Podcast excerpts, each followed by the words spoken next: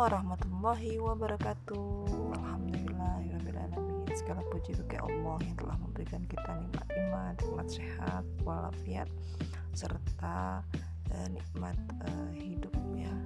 Uh, Semoga uh, salawat serta salam ter, terlimpahkan kepada Nabi Muhammad Sallallahu Alaihi Wasallam. Alhamdulillah sahabat podcast Nuli Suryani sampai pada uh, kisah dakwah Nabi Muhammad kepada para penguasa dunia. Hmm, seru nih ya. Oke, kita akan bahas mulai ya, kita mulai bahas ya. Uh, inilah kisah dakwah uh, Rasulullah SAW melalui dakwah ke berbagai penguasa dunia saat itu. Uh, kisah ini adalah uh, dalam salah satu buku ya sejarah hidup Muhammad karya penulis Mesir Muhammad Husain Haikal Masya Allah. Ini uh, saya punya bukunya kalau nggak salah ya. Hmm, begini kisahnya. Pada waktu itu Heraklius dan Kisra masing-masing sebagai kepala kerajaan Romawi dan Persia. Dua buah kerajaan yang terkuat pada zamannya merupakan dua orang yang telah menentukan jalan politik sebab nasib seluruh penduduknya perang antara dua kerajaan ini berkecamuk dengan kemenangan yang selalu silih berganti seperti yang sudah kita lihat. Pada mulanya Persia adalah pihak yang menang. Ia menguasai Palestina dan Mesir, penaklukan Baitul Maqdis atau Yerusalem dan berhasil membawa salib besar Detrukros. Kemudian giliran Persia mengalami kekalahan lagi Panji-panji Bizantium kembali berkibar lagi di Mesir, di Suriah, dan di Palestina, dan Heraklius berhasil mengembalikan salib itu. Uh, setelah ia bernadar uh, bahwa kalaulah mencapai kemenangan, ia akan berhijrah ke Yerusalem dengan berjalan kaki uh, dan mengembalikan salib ke tempatnya. Kalau saja orang ingat ya kedudukan kedua kerajaan itu, orang akan dapat mengira betapa besarnya dua nama itu ya. Eh, telah dapat menimbulkan kegentaran dan ketakutan dalam hati. Tiada sebuah kerajaan yang yang pernah terpikir hendak melawannya. Yang terlintas dalam pikiran orang ialah hendak membina persahabatan dengan kedua kerajaan itu. Kalau kerajaan-kerajaan dunia yang terkenal pada waktu itu adalah sudah begitu keadaannya maka tidak aneh bila negeri-negeri Arab itu pun akan demikian pula. Di Yaman dan Irak waktu itu di bawah penguasaan Persia sedang Mesir sampai ke Syam di bawah pengaruh Heraklius. Pada waktu itu Hijaz dan seluruh uh, semenanjung jazirah terkurung dalam lingkaran pengaruh kedua kemaharajaan itu. Kemudian uh, soal perdagangan dengan Yaman dan Syam. Nah, dalam hal itu perlu sekali mereka mengambil hati Kisra dan Heraklius supaya kekuasaan kedua kerajaan itu jangan sampai merusak perdagangan mereka. Nah, di samping itu, kehidupan orang-orang Arab nah, tidak lebih daripada kabilah-kabilah yang dalam permusuhan, kadang keras, kadang lunak, tak ada sesuatu ikatan di antara mereka yang akan merupakan suatu kesatuan politik yang akan dapat mereka pikirkan dalam menghadapi pengaruh kedua kerajaan raksasa itu. Oleh karena itu uh, mengherankan sekali ya jika pada waktu uh, Muhammad uh, Muhammad Sallallahu Nabi Muhammad Wasallam berpikir hendak mengirimkan utusan-utusan kepada penguasa besar juga kepada Gasan, Yaman, Mesir dan Abisinia diajaknya mereka itu menganut agamanya tanpa ia merasa khawatir akan segala akibat yang mungkin timbul karena tindakannya itu dan yang mungkin juga akan dapat membawa seluruh negeri Arab itu tunduk di bawah cengkraman Persia dan Bizantium. Akan tetapi kenyataannya Muhammad tidak ragu-ragu mengajak semua raja-raja itu menganut agama yang benar. Bahkan eh, pada suatu hari ia pergi menemui sahabat-sahabatnya dan berkata, Saudara-saudara, Tuhan mengutus saya adalah rah sebagai rahmat kepada seluruh umat manusia.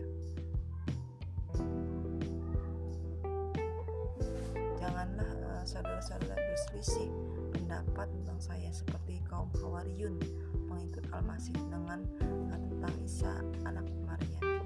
Rasulullah SAW berkata, sahabat-sahabatnya, bagaimana pengikut-pengikut Isa itu berselisih pendapat? Ia mengajak mereka kepada apa yang mereka uh, seperti saya ajak saudara-saudara, orang yang diutusnya ke tempat yang dekat, orang itu menerima dan dengan senang hati. Tetapi orang yang diutusnya ke tempat yang jauh, muka orang itu terpaksa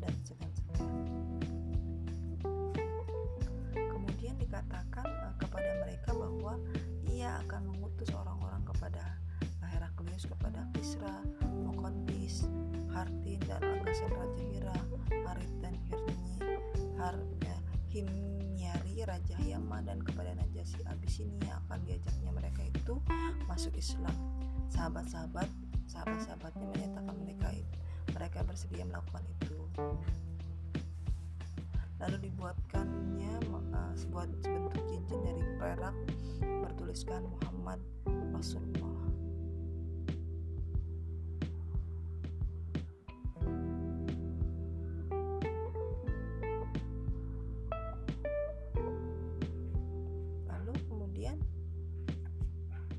isi surat yang dikirimkan itu seperti contoh yang kita temukan kepada pembaca yaitu suratnya kepada Heraklius yang berbunyi dengan nama Allah pengasih dan penyayang. Dari Muhammad hamba Allah para kepada Heraklius pembesar Romawi salam sejahtera kepada orang yang, uh, yang sudi mengikut petunjuk yang benar.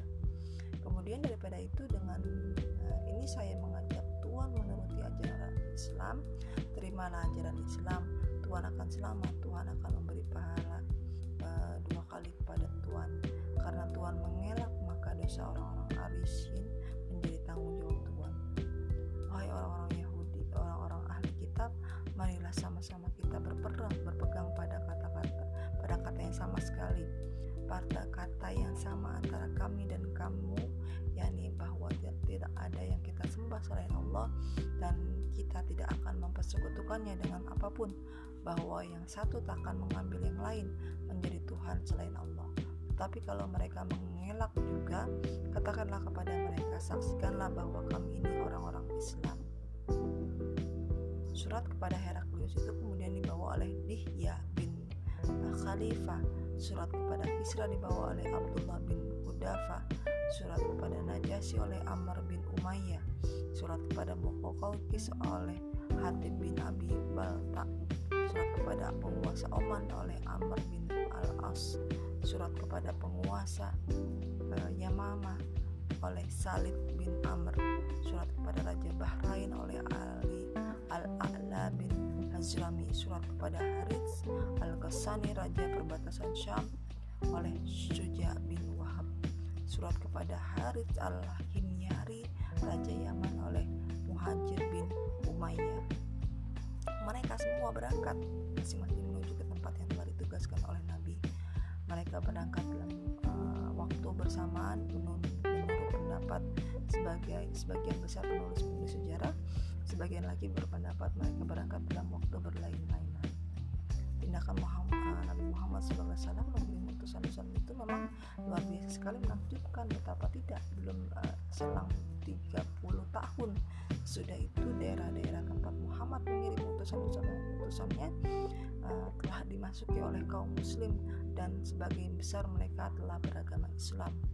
Akan tetapi ketakjuban akan uh, segera hilang bila kita ingat bahwa kedua imperium raksasa ini yang telah mengemudikan jalannya dunia masa itu dengan peradabannya yang telah menguasai seluruh dunia mereka ini saling memperebutkan kemenangan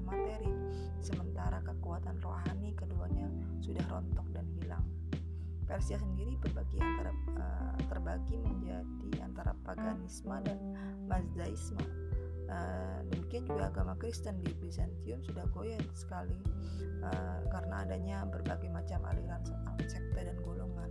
Ia sudah tidak lagi merupakan suatu ajaran utuh yang dapat menggerakkan dan memberi uh, tenaga hidup ke dalam jiwa manusia.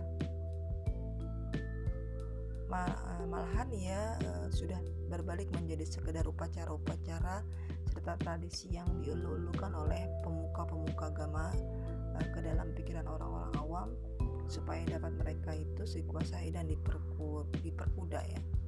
Sedang ajaran baru yang uh, Muhammad ya